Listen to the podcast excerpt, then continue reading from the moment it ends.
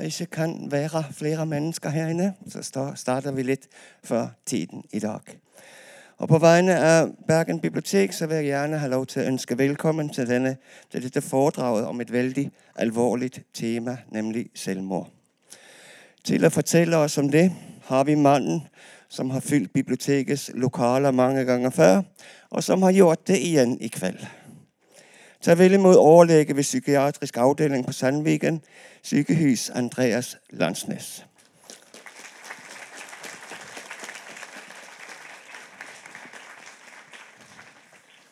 Takk. Det var imponerende frammøte til tross for litt dystre tema vi har valgt i dag.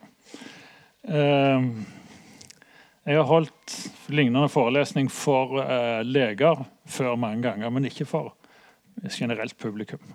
Så vi vil se hvorledes det går. Eh, forrige gang så holdt jeg en eh, forelesning om lykke, og da kom det veldig mange. og Det synes jeg var veldig forståelig.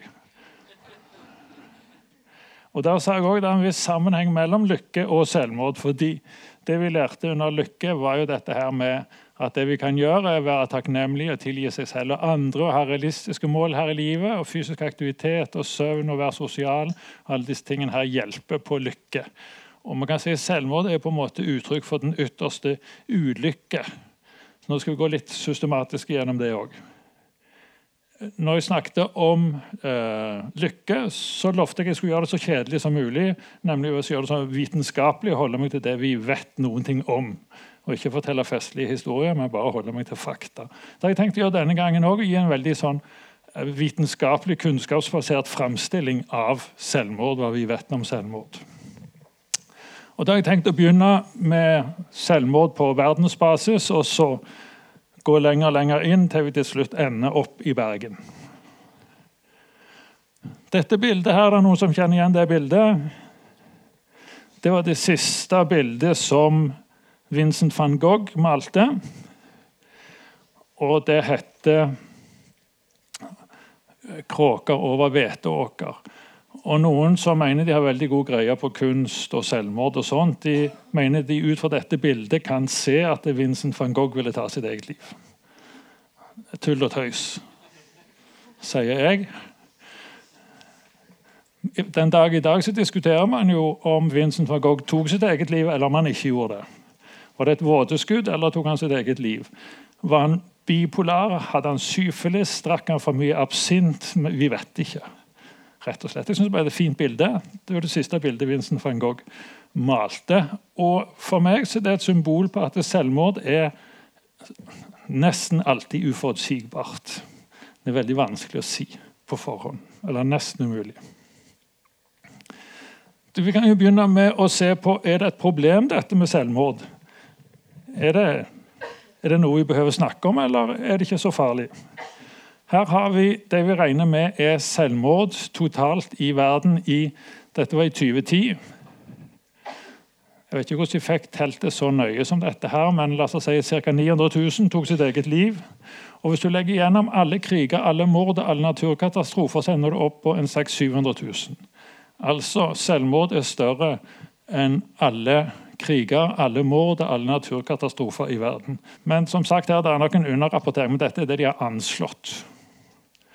Så da er jo selvmord et ganske betydelig problem. Det er større enn alle kriger, alle mord, alle naturkatastrofer til sammen. Ca. 1 million mennesker i året tar sitt eget liv på verdensbasis.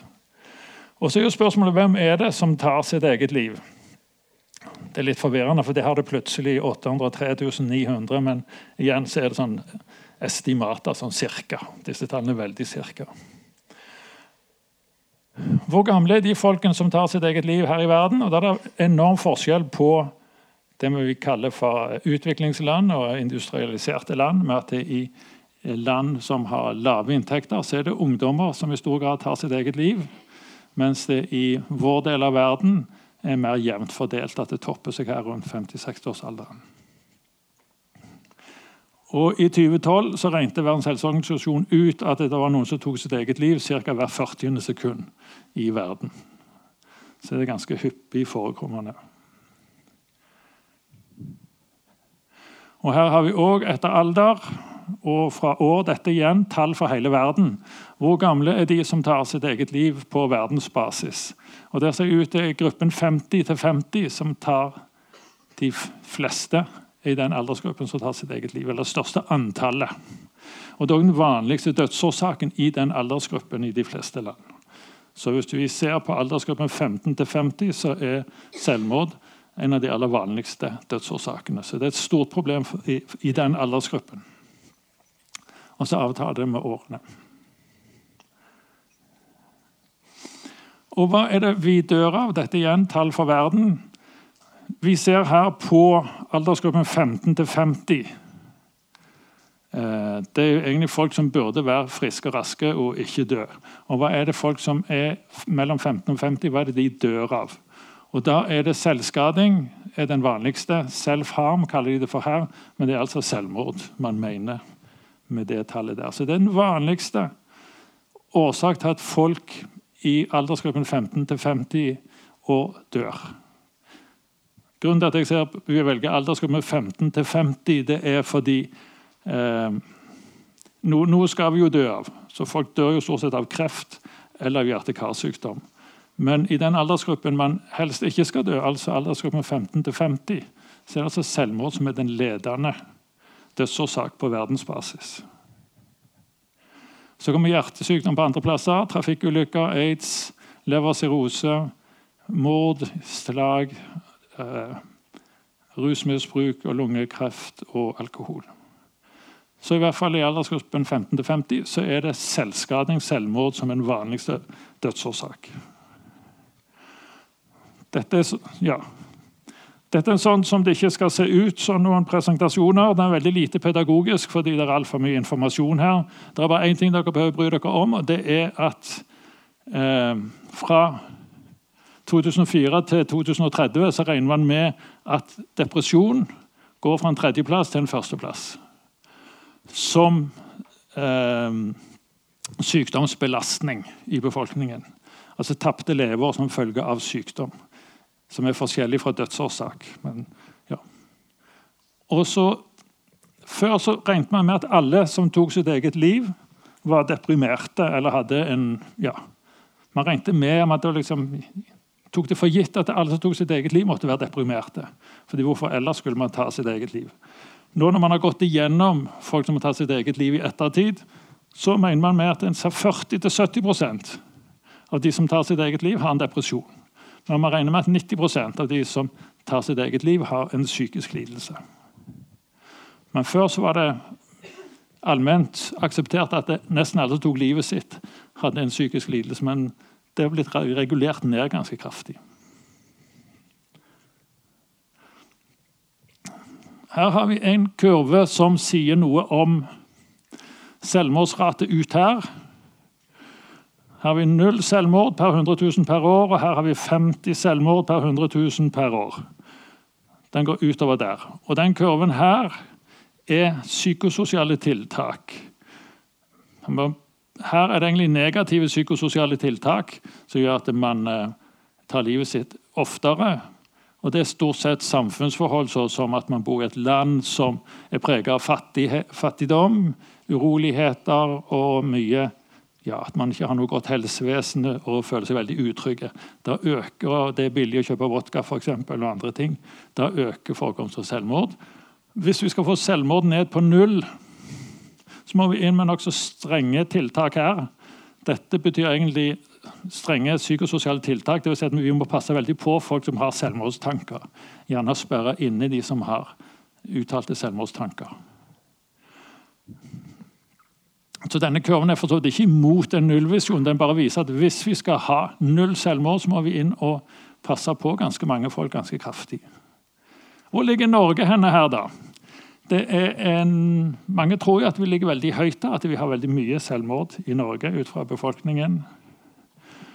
Hvem tror at vi ligger ute her? Rekker på hånden de som tror vi ligger ute her. Ingen tror vi ligger der. Rekker på hånden de som tror vi ligger der. Ja, forholdsvis opplyst forsamling, dette her. Sånn ser det ut. Grønland de ligger veldig høyt oppe. 83 selvmord per 100 000 innbyggere per år, så de ligger her oppe et eller annet sted. De ligger veldig høyt oppe. Eh, grunnen til at de tar livet sitt ofte på Grønland, det har noe med raske kulturelle endringer å gjøre. De har gått fra å være et, jeger- og eh, sankersamfunn til å bli mer og mindre uføretrygda hele gjengen. Og så har de fått mye brennevin og øl og greier fra Danmark, og så har de geværer. Det er en dårlig kombinasjon. Jeg har en gang jobbet på Rikshospitalet i København. Da hadde de en egen avdeling for grønlendere som har prøvd å ta livet sitt med hagla i fylla. Og det ender stort sett med at de skyter vekk deler av ansiktet. Det er ikke så bra. Men de ligger veldig høyt. Kina ligger også veldig høyt, og spesielt kvinner på landsbygden i Kina ligger veldig høyt. Og de har en helt annen metode. De drikker sånn in insektdrepervæske. Det er de dør av. I Japan er det jo mer og mindre akseptert å ta sitt eget liv hvis man eh, tape anseelse eller gjøre noe dumt. og sånn. Dette er harakiri, eller seppuru, og det er på en måte mer eller mindre sosialt akseptert. Så det er veldig store forskjeller fra samfunn til samfunn hvor akseptert det er å ta sitt eget liv.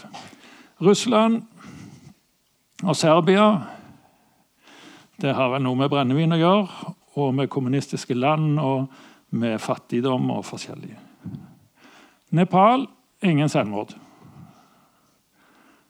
Eh, jobbet en gang sammen med en kar fra Nepal. og Når han skulle reise hjem, så måtte han ta fly til Katmandu. og Så måtte han ta bussen et par dager, og så måtte han gå i tre-fire dager. så var han hjemme. Hvorledes er det å ha statistikk over selvmord i et sånt land? Det er veldig vanskelig. Så der er vi nok på underrapportering, som ble nevnt her tidligere. Noen land her ligger veldig likt. USA det var før Trump, dette her. Da lå de der. Og Så ligger vi på sånn 11. Det er veldig mange som ligger på 11 her. Sverige, Island, Danmark, Irland, Norge det er land som fungerer ganske bra, og som eh, registrerer veldig mye. Er flinke til å registrere selvmordene. Men hvis vi kommer til Spania, så ligger de mye lavere. Og Italia Jeg har diskutert med spanske kolleger, og de sier at det er nokså kraftig underrapportering fordi Spania er veldig katolsk, og det å ta livet sitt er fortsatt nokså tabubelagt. Så sånn ser det ut. Vi ligger forskjellig i forskjellige land her. Og Norge ligger egentlig ikke så dårlig an med en 10-11 der, men det betyr ikke at vi ikke skal prøve å få det lenger ned. Men Det er en myte at vi har veldig høy forekomst av selvmord, men vi kan godt bli enige, det er lett å bli enige om at det, alle selvmord er et for mye, at vi kan få det ned, lenger ned. Sånn ser det ut på verdensbasis høy forekomst av selvmord, mer enn 15 per 100 000 per år, er de mørke røde, som vi finner her i Russland, Øst-Europa og i noen afrikanske land, og India. Og de som ligger nokså lavt, sånn som her, Canada, Brasil, Norge. Jeg sa jo nettopp at Norge lå på en 11, og her er de nede på 9. Det er fordi det er andre år man teller på. Ja, det var 2012 de tallene vi hadde forrige gang, var litt eldre. Vi kommer tilbake til hvorledes det har utvikla seg i Norge. Igjen antall selvmord per 100 000 i 2008. Syria Veldig stor sjanse for at det er underrapportering, at det ikke er reelt. Og I Russland ligger veldig høyt, det vet vi. Og så ser vi òg den voldsomme forskjellen på kjønn. Menn som er blå, ligger mye høyere enn kvinner. og Det gjelder i nesten alle land. Det er vel Kina på landsbygda at kvinner tar livet sitt mye hyppigere enn menn, men ellers er det omvendte menn som eh, tar sitt eget liv oftere. Her, det vil si Russland og Finland og kanskje også Frankrike er nok ganske mye relatert til alkohol. Og I Norge så ser vi også at det er stor forskjell på kvinner og menn. Ja, Det er det samme en gang til. Det var en forklaring på Syria, at de ble skutt i krigen. Dette var før krigen. Ja, så det, ja, disse her kulturelle forskjellene I Kina så kan det være akseptabelt å ta sitt eget liv med harakiri eller seppuru hvis man tar på ansikt. Beklager. Det er godt at noen følger med her. Skal bare se om dere var våkne. Det var Japan, selvfølgelig. Seppuku. Ja. Men harakiri var riktig uttale. Ja. Og så er spørsmålet er selvmord smittsomt. Det er jo et godt spørsmål. Og da har vi noe vi kaller for Werther-effekten.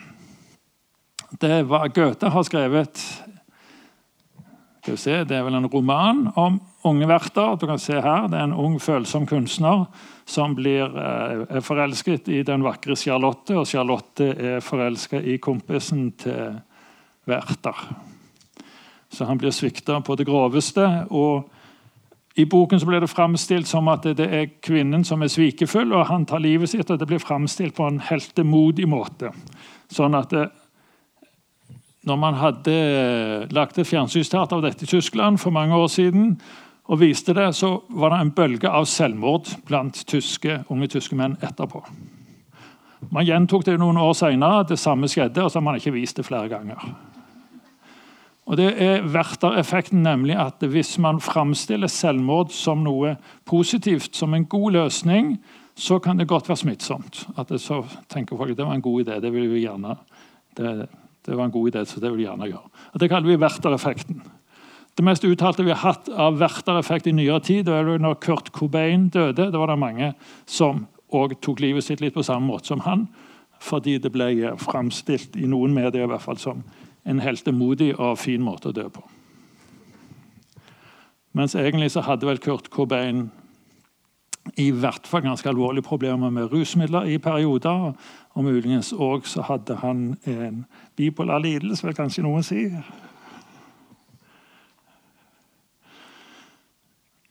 Og så er det òg noen steder som drar til seg folk som vil ta sitt eget liv. Dette er Golden Gate i San Francisco. Der er det veldig mange som hopper fra den broen. Det som er artig med USA, er jo at de har ikke gjort noen ting for å sikre broen. Her i Bergen hadde vi Askøybroen, som tiltrakk seg folk. Eh, den ble sikra. Men i USA så gjør de ingenting for å sikre Golden Gate. Den, eh, den er sånn som den er. De har hatt et nett under, men de, de er litt delte på det i USA. De vil ikke ha så mye sånn sikringsgreier. Jeg har en gang seilt under Golden Gate, og da fikk jeg beskjed om at du skulle se opp og passe på, fordi det kom ofte folk ned. Det var en merk merkelig opplevelse. Det er også laget en interessant dokumentarfilm fra Golden Gate over de som har overlevd. Golden Gate er akkurat såpass høy at når du treffer vannet, så har du en 80-90 km i timen. Og de fleste dør når de treffer vannet med 80-90 km i timen. Men noen overlever. Og det som er interessant når man intervjuer de som har overlevd hopp fra Golden Gate, er at de forteller at etter de har hoppet vært i luften, så har de angra. Det er stort sett det de forteller. Ikke helt sikkert man kan stole på det, fordi det er ting som skjer etterpå òg, altså, men eh, det er det som har vært gjennomgående, at de angrer etter de har hoppet. Ja, så det er mange berømte mennesker som har tatt livet sitt. Ernst Hemingway han var vel bipolar og drakk litt mer enn det som bra var. Og så har vi Marilyn Monroe og Robin Williams, vel den siste, som tok sitt eget liv. Han hadde begynnende levileg med demens. Han hadde mange ubehagelige symptomer og merket at han ble dårligere og dårligere. Hun har fått veldig mange diagnoser opp gjennom tidene. Og så har vi mannen med øre, eller uten øre. Han hadde òg mange spekulasjoner rundt. Grunnen til at jeg er opptatt av Vincent van Gogh, er at han er jo mannen som har brukt farger til uttrykk av følelser. Den første kunstneren som har prøvd å få følelser inn i malerier ved å bruke farger. Han malte alle bildene sine fra han var 30 til han var 37. Han gjorde ingenting før. Altså, han gjorde mye rart før han var 30. Han prøvde å bli prest, han prøvde alt mulig rart som han ikke fikk til. Han prøvde å være kunstselger og alt mulig rart. Men fra han var 30 til 37 så malte han veldig mye bilder. Og han var psykotisk deprimert. i hvert fall. Han tok seg veldig nær at den damen gikk ifra han, og det gjorde de hele veien. Og den eneste kjæresten han hadde, hun var prostituert. Så det er en god sjanse for at han kanskje hadde fått syfilis. Det er en god sjanse at Han drakk ganske mye, og den gangen hadde de absint, som man kunne bli hallusinert av. Det var noe sånn hasjlignende ting oppi absinten. Og så kan det være Han var bipolar òg, eller hadde tilbakevendende depresjoner med psykotiske symptomer. Så det var mange muligheter med Vincent. Ja. Jeg har alltid syntes det var rart hvorfor det er så vanskelig å forutsi hvem som vil ta sitt eget liv. Og Den eneste teorien jeg har støtt på som gir meg mening, i hvert fall, det er en amerikansk eh, psykolog som heter Joyner. Og Han har lagt en teori om hvorfor folk tar livet sitt. Og Den så ut som dette her. Vi skal forestille oss at dette som tre på en måte ballonger som beveger seg i forhold til hverandre, og som forandrer størrelse hele veien. Og Den ene heter 'Jeg er alene, jeg er en byrde for mine omgivelser, og jeg er ikke redd for å dø'. Først når alle disse tre overlapper hverandre, så gjør du et helhjertet selvmordsforsøk. Det krever at du ikke er redd for å dø, du føler du er en byrde for andre, at du er alene. Og da Når alle disse tre tingene passer overens, så gjør man alvorlige selvmordsforsøk. Det forklarer litt av hvorfor det er så vanskelig å forutsi. fordi dette er ting som forandres fra time til time, fra dag til dag. Vi kommer tilbake igjen til denne, melodi, nei, denne her, eh, teorien. Da skal vi en liten tur til Sverige. Jeg synes De beste undersøkelser, de beste forsøk er de som er ufrivillige. De man ikke planlegger, men som skjer. Det man gjorde på Gotland, det er denne her lille øyen her uten sør for Stockholm. Eh, Pippi Longstrøm og Pippi Villa Villakula ligger jo i Visby, som alle vet. Men det har ikke noe med dette å gjøre. For Gotland så hadde de 83-84 så hadde de et program hvor alle fastlegene på Gotland ble lært opp i å kjenne igjen depresjon tidlig og behandle depresjon tidlig. På Gotland så bor det 50 60 000 mennesker. Vil si at hver fastlege har 1000 pasienter. Så da er det en 50 eller 1000-2000 pasienter har det, så da er det en 30-40 fastleger der. Og Alle de ble lært opp i tidlig oppdagelse og behandling av depresjon. Det pågikk over et helt år, og de ble veldig flinke til å kjenne igjen depresjon og behandle depresjon tidlig. Det, og på Gotland det ligger litt for seg selv her ute, så det er ikke så mange som flytter vekk fra Gotland eller ut til Gotland. Så det er nokså stabil befolkning der. Det som skjedde i årene etter man hadde dette her prosjektet, var at forekomst av selvmord på Gotland gikk ned. Sykemeldinger gikk ned. Foreskrivning av antidepressiva gikk veldig opp. Og uføretrygd gikk òg ned. Så det som skjedde var at Man fikk en voldsom økning i behandling av depresjon. Den gangen, Det man kan kritisere mest for, det var at den eneste behandlingen de fikk, var antidepressiva, men det var effektivt, det òg. Så da hadde man en helt klar nedgang i forekomst av selvmord på Gotland i årene etterpå. Men så skjedde jo det med fastlegene, som skjer med oss alle sammen, at vi husker ikke så veldig lenge. Så kom det andre og fortalte fastlegene på Gotland hvordan de skulle behandle høyt blodtrykk, urinveisinfeksjon og lungebetennelse. alt sånt, Så da glemte de ut dette med depresjon.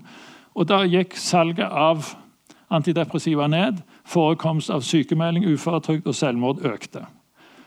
Så da har man en nokså unikt studie at man på en begrensa befolkning klart og tydelig demonstrerte at det å være oppmerksom på depresjon og behandle depresjon tidlig til, kan føre til at man får reduksjon i antall selvmord.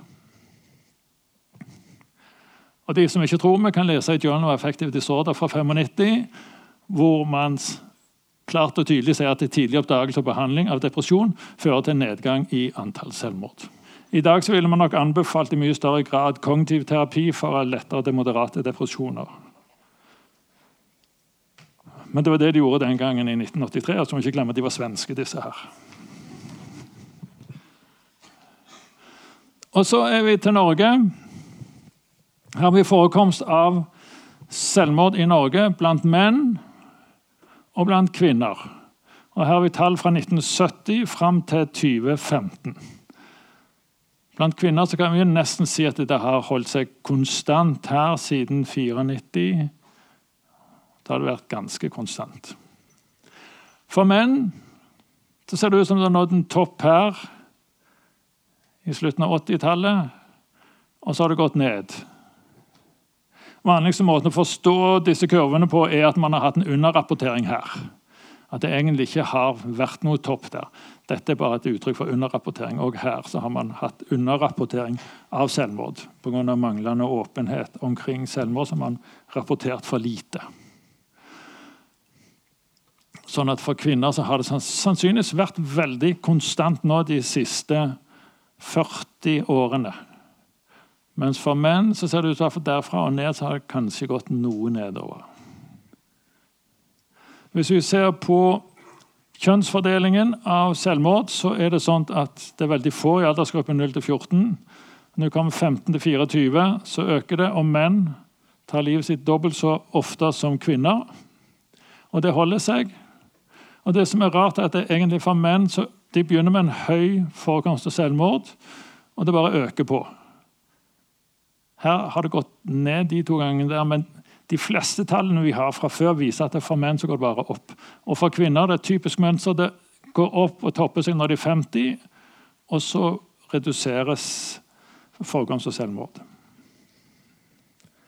Hvorfor er det, det er jo kjønnsdiskriminering på stort nivå her. Det er stor forskjell på kjønnene. Hvorfor er det sånn?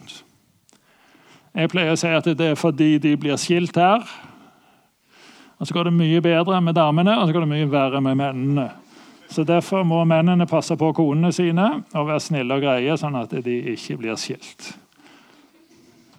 Det er én måte å se det på. En annen måte å se det på er at kvinnene er mye flinkere til å ha sosiale nettverk. Det vet vi jo. Kvinner har mye større sosialt nettverk, så hvis de har det vanskelig, så har de alltid noen venninner eller andre de kan snakke om. Mens mennene har veldig lite sosialt nettverk. Og Hvis mennene skal snakke med noen, så går de og snakker til flaskene sine i stedet for.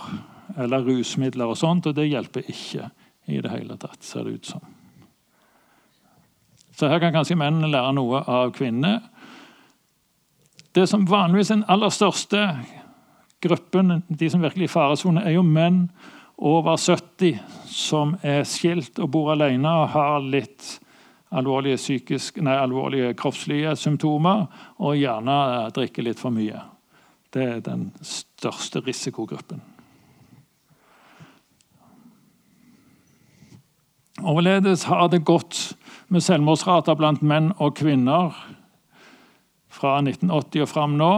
Igjen, Det er bare litt det samme framstilt på en annen måte. Kvinner ser ut til å holde seg veldig konstant, mens for menn har vi hatt en sannsynligvis en underrapportering her, og så har det gått ned.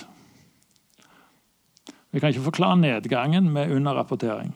Så Det kan godt ha vært en reell nedgang i forekomst av selvmord. Her har vi dødsårsaker på, i forskjellige aldersgrupper. Det er prosentdel av alle dødsfall i disse forskjellige aldersgruppene. Så Hvis vi nå ser på aldersgruppen 15 til 40 her, denne aldersgruppen her, så er det ulykker og selvmord som er de store årsakene til at man dør. Så Noen sier at hvis du har tenkt å redde mange unge menneskeliv, så skal du enten bli anestesilege eller jobbe på ambulansen og redde de her. Eller så skal du bli eh, lege eller sykepleier og jobbe i eh, akuttmottak eller i psykiatrien og redde ungdommen her. Det er selvfølgelig ikke helt så enkelt, men selvmord er veldig stort som prosentandel av dødsfall i den aldersgruppen. fordi de dør ikke av så mange andre ting. Det er det som er hovedårsaken til at man dør. Når folk blir eldre, så overtar hjerte-karsykdommer og kreft overtar som de viktigste dødsårsakene. Men akkurat her blant ungdommen så er det selvmord og ulykker som er de største årsakene til at man dør. Så her er det mange leveår som går tapt. Det er mange måter å regne dette på. Når jeg diskuterer dette med mine kollegaer som jobber i indremedisin og kreftleger, og sånt, så sier de at ja, men folk dør jo av hjerte-karsykdommer og av kreft. og sånn. Så det er ikke noe vits i å satse på forebygging av selvmord, og sånt, fordi det er jo dette folk dør av. Men her dør de jo gjerne når de er veldig gamle, så det er ikke så mange leveår som går tapt, for å være litt kynisk. Men hvis en ungdom tar sitt eget liv, så er det jo 50 leveår som går tapt. Så hvis man regner leveår, så er jo selvmord veldig stort. Så da velger vi ofte litt statistikk etter det som tjener vår sak best. Jeg liker best å snakke om tapte leveår, fordi da teller selvmord og ulykker veldig mye. Mens hjerte-karsykdom er noe man dør av når man har passert 80. ikke sant? Og Da er det ikke så mye tapte leveår som, som, går. Når man er 90 og 95, så går man nesten på overtid. Dvs. Si at man lever lenger enn forventa gjennomsnittlig levealder.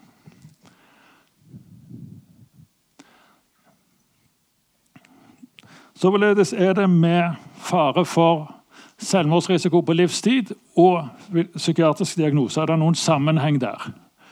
Eh, hvis man ikke har noen diagnose, altså den befolkningen generelt, så vil 1% av folk vil ta sitt eget liv. Når man ikke har noen kjent diagnose. Hvis du tidligere har forsøkt å ta ditt eget liv, så øker sjansene veldig. Ca. 30% av de som tidligere har forsøkt å ta sitt eget liv, vil ta sitt eget liv.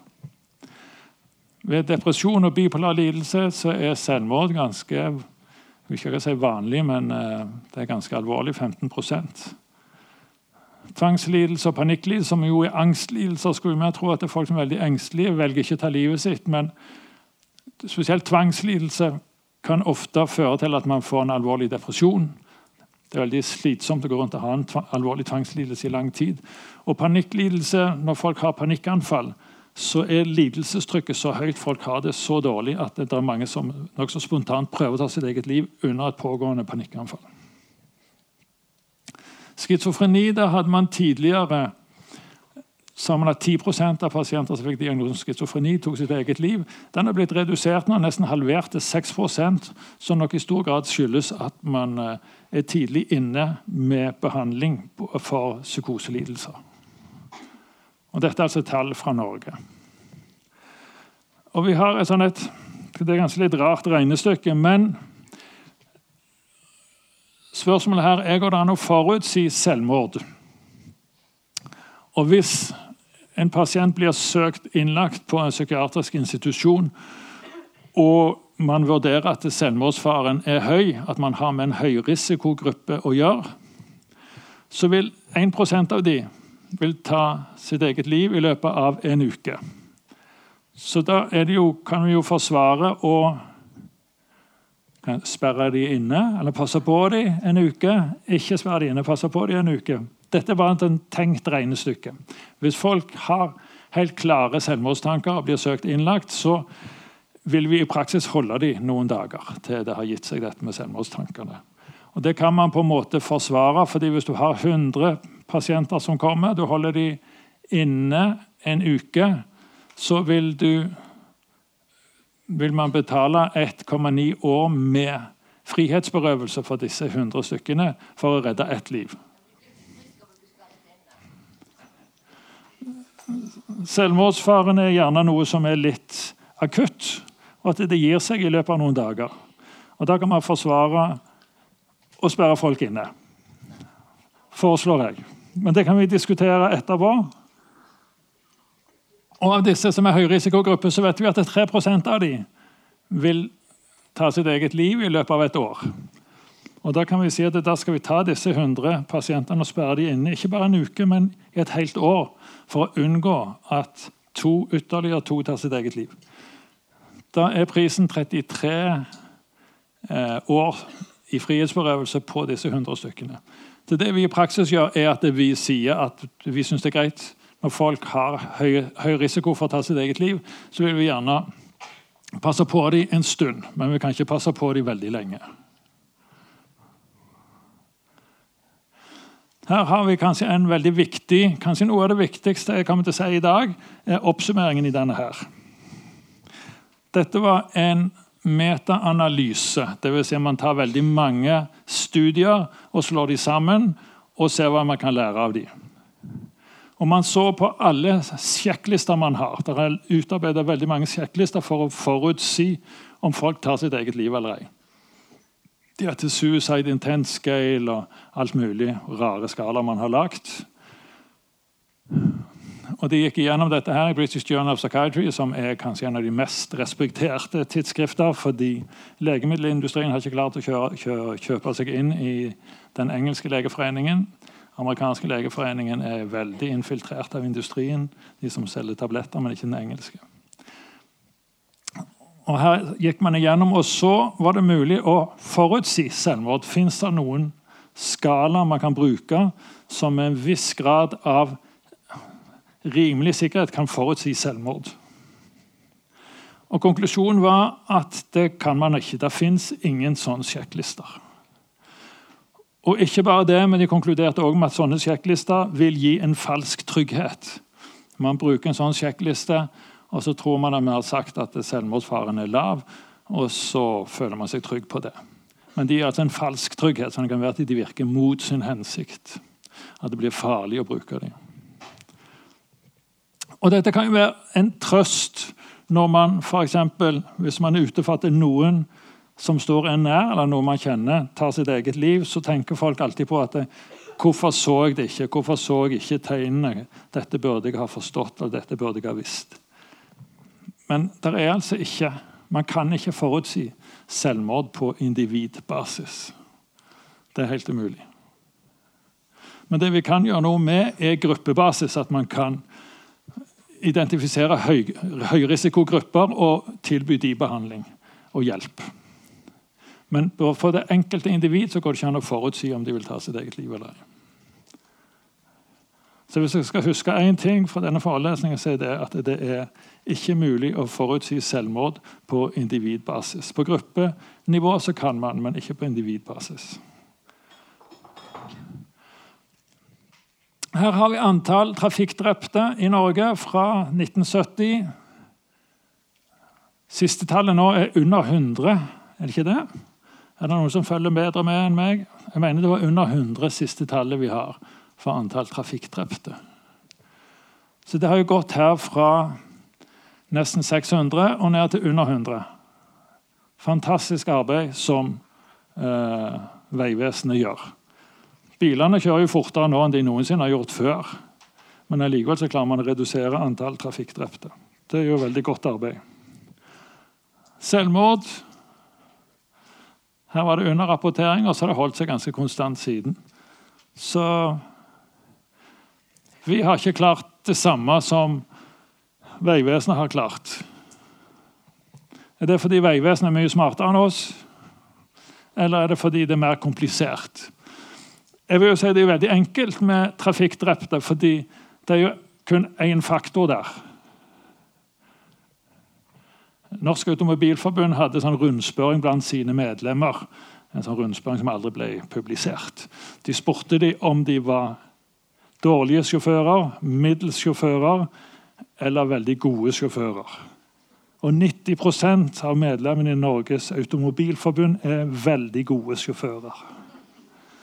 Ingen var dårlige. Så trafikkulykker skyldes jo at alle sjåførene er skrekkelig gode.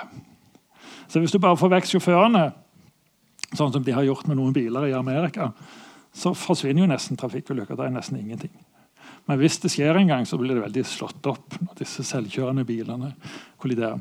Så egentlig jeg prøver å si det er at når det gjelder dødsulykker i trafikken, så er det forholdsvis enkelt og forutsigbart hva man kan gjøre. Det er ikke så mange faktorer. Det er egentlig hvorledes veien ser ut, hvor fort man kjører, som avgjør om, er, om man får trafikkulykker. Om du, midt, du deler på midten, og hva fartsgrensen er osv. Du må jo vite at det, når Vegvesenet har fått dette til, så vet de ikke hvilke personer de redder. De bare vet at det går statistisk ned. De har litt det samme problem som oss. De vet ikke hvem de redder men de vet at trafikkdrepte går ned. Men jeg vil påstå at det er mye enklere mekanismer ute og går i trafikken enn når det gjelder selvmord. Der det er veldig mange faktorer som spiller inn.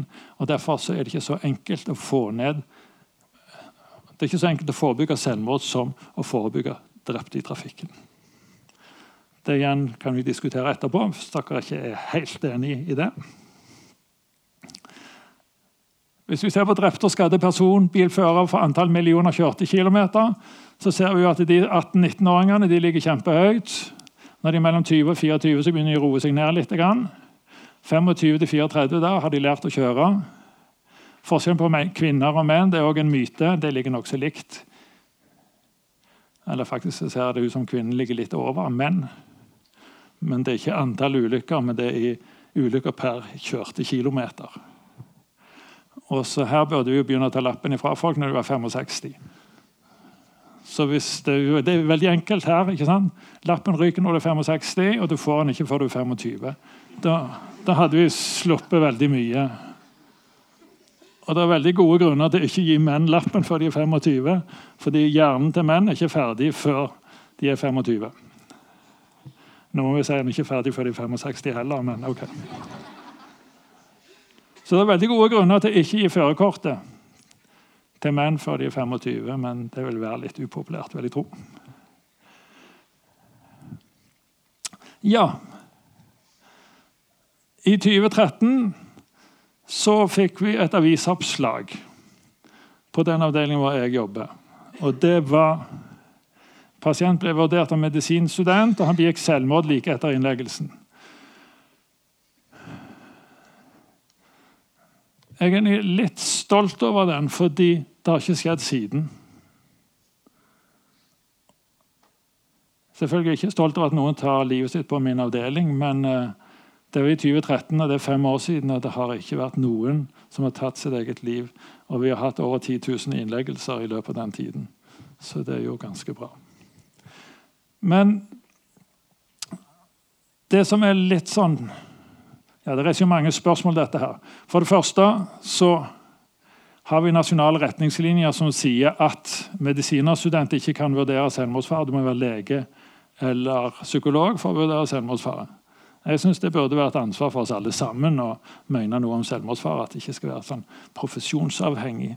Men nå har vi nasjonale retningslinjer som gjelder fra du blir lagt inn i sykehus. Utenfor så skal selvfølgelig alle bry seg òg, kanskje når jeg blir lagt inn. Men eh, her har vi gjort det veldig profesjonsavhengig.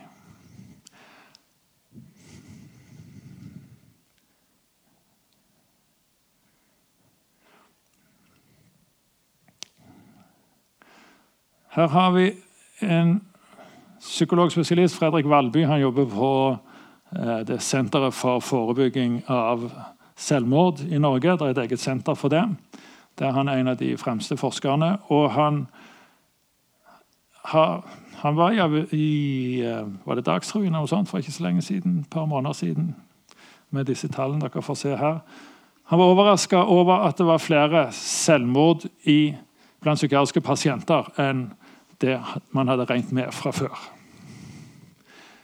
Og Det han fant, var her Dette er pasienter i psykiatrien. Hvor mange har tatt sitt eget liv. Og Det ligger på ca. 250 i året tar sitt eget liv som er i psykiatrien. Nå må dette ses på bakgrunn av at det er ca. 500 selvmord i Norge per år. Så ca. halvparten av de som tar sitt eget liv, er i psykiatrien. Når han sier at de er i psykiatrien her, så vil det si at de enten er innlagt, har vært innlagt for nylig eller går i poliklinisk behandling. Så det er ca. halvparten av de som tar sitt eget liv i Norge, har, uh, går i psykiatrien. Eller blir behandla der. Nå må dette ses på bakgrunn av at det er 250 000 altså ca. 5% av befolkningen, er i kontakt med psykiatrien hvert år. Av disse så tar 250 sitt eget liv. Dvs. Si én av 1000 pasienter tar sitt eget liv. På den avdelingen jeg jobber, så har vi 2500 innleggelser i året. Det er ca. 1% av alle pasienter i Norge. Og Da skal vi regne med at to til tre tar sitt eget liv per år. Så da har vi altså 2500 pasienter inn hvert år, og to til tre av de kommer til å ta sitt eget liv. Det, problemet er at det er en så sjelden hendelse at det er veldig vanskelig å bli klok på sammenhengen mellom hvilke symptomer de har, og om de kommer til å ta sitt eget liv. Det er så sjeldent. Man, det er veldig vanskelig å lære av sjeldne hendelser. Det er mye lettere å lære av ting som hender oftere.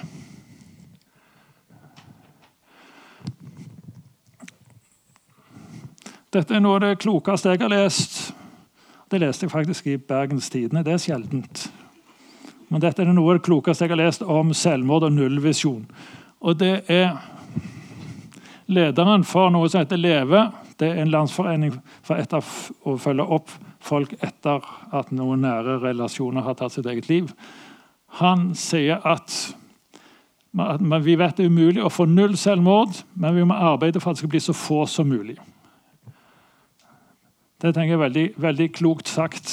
Det er greit å kanskje ha en nullvisjon, men eh, hvis alle skal sperres inne et år for at man skal oppnå det, så er det kanskje ikke verdt det. Det skal veldig mye til. Men vi må ha det kanskje som et mål, men det er kanskje ikke noe vi får helt til. Det var vel bystyret i Bergen som vedtok at vi skulle ha en nullvisjon for selvmord i Bergen. Og jeg går ut fra at det er den organisasjonen som står eller som i hvert fall har pusha på for å få det til. Det er det eneste jeg vil drive reklame for her i dag. Det er LEVE, Landsforeningen for etterlatte ved selvmord. Det selvmord som jeg refererte til på min egen avdeling, da hadde vi veldig stor glede av LEVE til å følge dem opp i ettertid. Det som jo skjer når man har vært utsatt for en sånn sjokkerende opplevelse, er jo at de nærmeste pårørende har en tendens til å isolere seg, så man er nødt til å eh, være, være på og følge dem opp. Og leve veldig flink til det. Her har vi, Dette var vel i Aftenposten. Psykolog Renate Grønvoll Bugge så ikke sønnen selvmord komme. Dette, hun, eh, dette, skjedde for 30 år siden. Og hun er psykolog og spesialist i å følge opp politi og brannvesen og alle sånne etter kriser. Men uh, hun så ikke egen, at det skulle skje hennes egen sønn. Og det er veldig lett å forstå, fordi det er Det er ingen, det er ingen sikre ting man kan si, se. Den historien minner om mange andre historier hvor det er unge menn som er utsatt for et brudd i en nær relasjon, og så tar de sitt eget liv. Det er ofte det man kan se, at man er ung og man har egentlig i ferd med å flytte hjemmefra, og så får man en eller annen kjæreste, og så blir det turbulent og slutt, og så gjør man et selvmordsforsøk nokså ut av det blå. Fordi man er veldig sårbar. Man har ikke så mye annet. Det var det samme med Kjetil Dalen, som mista sin 20 år gamle sønn. Han studerte, alt var fint. Litt uklart hva som skjedde.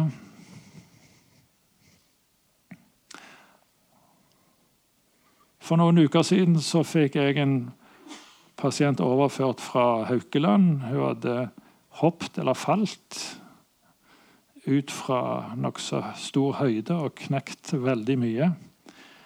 Og når vi så spurte hva var det som skjedde, så sa hun først at det var en stemme som sa hun skulle hoppe, og så sa hun hun visste ikke. Når jeg snakket med henne, så var hun ikke helt sikker. Så ikke engang hun visste hva det var for noe. Så var det på impuls? Var det et uhell? Hva var det som skjedde? Så Selv om man intervjuer snakker med folk rett etter de har gjort et alvorlig selvmordsforsøk, så er det ikke alltid de klarer å gjøre rede for hva det var. De vet ikke sjøl engang. Så skal vi kunne forutse det. Det blir veldig vanskelig. Ja, Tore Tønne, norsk helseminister i 2000-2001 og tok sitt eget liv i 2002. Det var en annen mekanisme bak han. Han var jo han ble hengt ut i media i veldig lang tid, veldig kraftig. Eh, offentlig uthengning i media. Det, det, var jo noe som gikk inn på folk den gangen. Donald Trump ble jo hengt ut i media daglig, ganske grovt, men han har ikke hatt noen tanke om å ta livet sitt, som jeg har hørt om. Men Tore Tønne han tok sitt eget liv. Og der kan vi si at Media var veldig på og kritiserte han og var ganske fæle. kan man godt si. Han ble tatt egentlig drept av media. vil mange si han et godt eksempel på det. At Man skal være oppmerksom på det å bli hengt ut i media kan være en veldig stor påkjenning. Ja, så da, Jeg sa jeg ikke skulle drive reklame. Men Jeg vet faktisk ikke hva jeg driver reklame for. Jeg har bare lest gode omtaler av denne. her. Jeg har ikke sett den, Men det er en film som handler om Blindsone det er det samme den handler om, nemlig at det kommer veldig overraskende at eh, moren her ikke kunne forstå hvorfor. Ja, nå vet jeg ikke om det var sønn eller datter som prøvde å ta sitt eget liv. Jeg vet heller ikke hvor det gikk, så det, spenningen er der fortsatt for de som vil se filmen. Dette her er en sånn fiktiv dette er ikke en ekte dødsannonse, men vi begynner å se denne typen dødsannonser nå i større grad at valgte å forlate oss i dag. Det skrev man aldri før. Men man har begynt nå å bli mer åpen med det og skrive at de valgte å forlate oss. altså Uttrykk for at de tok sitt eget liv. Så hva har vi lært så langt? Tidlig oppdagelse og behandling hjelper på å forebygge selvmord. I hvert fall i Sverige, så da går det sikkert her òg. Åpenhet omkring psykiske lidelser så ut til å være en god idé. Det er umulig å forutsi selvmord på enkelt nivå. Vi vil gjerne jobbe for å redusere antall selvmord. Det er en klar målsetning. Og det er også viktig å ha lavterskeltilbud, sånn at folk kommer til behandling så tidlig som mulig. Du kan si Tidlig oppdagelse og behandling og lavterskel var vel det vi lærte mest av alt fra Gotland. Og Så er vi tilbake til denne her sirkelen, som jeg har oversatt til norsk. Nei, ikke helt ennå. Det kommer. Her er spørsmålet Hva er det som beskytter mot selvmord, og hva er det som er risikofaktorer for selvmord? Den har jeg oversatt til norsk. Risikofaktorer er rus, fysisk sykdom, selvmord i nær relasjon, spesielt hvis det blir framstilt som en god ting. Mobbing, psykisk lidelse, dødsfall i familien, brudd i relasjoner og tidligere selvmordsforsøk. Er Ganske uttalte risikofaktorer for selvmord. Beskyttende faktorer er samhørighet med andre, spesielt andre voksne. Venner som bryr seg, lavterskel helsetilbud, utdanning beskytter til en viss grad Trygt skolemiljø, trygt nærmiljø, foreldre som bryr seg, og at man er løsningsorientert. Så Sammen ser det sånt ut. At vi har en del risikofaktorer en del beskyttende faktorer. Og så er det spørsmål, Kan vi lære noen ting av disse her Vegvesenet med nullvisjon? Og Da kan vi se på disse her sirklene som jeg nå har oversatt til norsk. At jeg er en byrde, jeg er alene, og jeg er ikke redd for å dø. Beskyttende faktorer er som nevnt samhørighet, venner, altså sosial, å være sosial, egentlig. Og risikofaktorer er rus, fysisk sykdom, selvmord i nær relasjon, psykisk lidelse osv. Disse her sirklene de kan jo bli større og mindre, og det kan variere sånn fra dag til dag. Og vi kan gjøre forskjellige ting for at de skal bli mindre eller større. Så kan jeg si Når vi er her, så har vi jo denne store, farlige sirkelen Eller det er ikke sirkel, det der. Når det er tre kanter, så heter det vel en litt skeiv trekant. Der. der er det. Man har den uheldige kombinasjonen av at alle tre overlapper, og det er der man begår alvorlige selvmord. Men hvis du så får ringe til Kirkens SOS eller noe lignende, at du ikke er helt alene, og at du ikke ruser deg. Hvis det er rus som først og fremst gjør at du blir mindre redd for å dø. Så hvis du ikke ruser deg og du tar kontakt med andre, så er sjansen for at du vil ta ditt eget liv betraktelig mindre.